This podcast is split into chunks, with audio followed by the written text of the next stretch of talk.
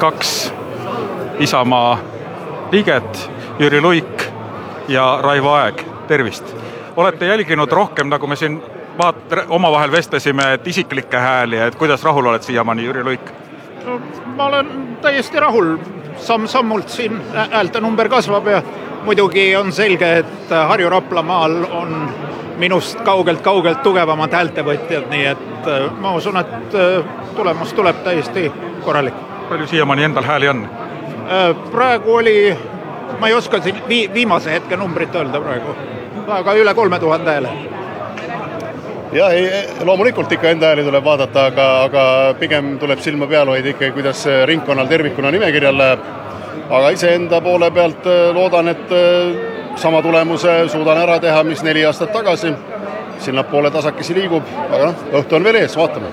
on kõlanud juba mõned arvamused, et praeguse seisu järgi võiks Reformierakond nende valimiste võita. tegelikult lõpptulemust on veel vara öelda.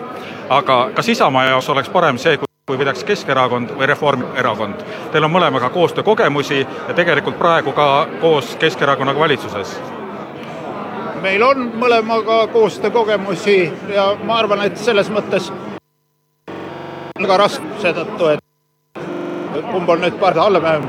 muidugi tuleb arvestada, et Reformierakond on äh, paremtsentristi, kellega meil programmiliselt on kindlasti lihtsam ühisosa leida.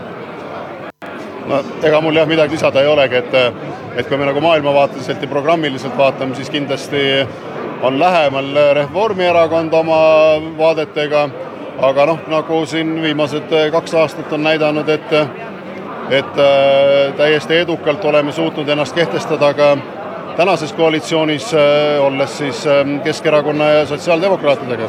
nii et äh, eks ta ikka palju sõltub enda tarkusest ja järjepidevusest kaks aastat tagasi, umbes kaks aastat tagasi sai Reformierakonnast valitsuses lahku löödud, kas Reformierakond on nüüdseks piisavalt muutunud, et temaga uus, uuesti koos proovida? no see kõik on väga varajane spekulatsioon, et esiteks ootame ära tulemused, siis selgub, kellele Vabariigi President teeb ettepaneku valitsust moodustada. praegu on see kõik ainult niisugune õhtune vastastikune spekulatsioon, nii et ei, ei, ei tahaks siin küll midagi Äh, väga konkreetselt öelda palju sõltub ju tegelikult veel ka sellest, kas Eesti kakssada saab sisse või ei saa, see muudab lõplike häälte jaotust päris oluliselt. mida teie loodaksite, kas nad saavad sisse või mitte? No jällegi, eks iga erakond võitleb enda eest, selles mõttes, et äh, ma soov, soovin neile jõudu ja tegelikult valija on juba otsustanud, et jääb üle ainult oodata ja vaadata, mis numbrid ekraanile ilmuvad. No jaa, eks siin see matemaatika hakkab äh, mingit rolli mängima, et äh, et kui Eesti kakssada nüüd sisse saab, eks, et siis tõenäoliselt see nii-öelda spekulatsioon, et tuleb kahe erakonna koalitsioon, selle tõenäosus väheneb jälle, eks, et Reform ja Keskerakond omavahel teevad.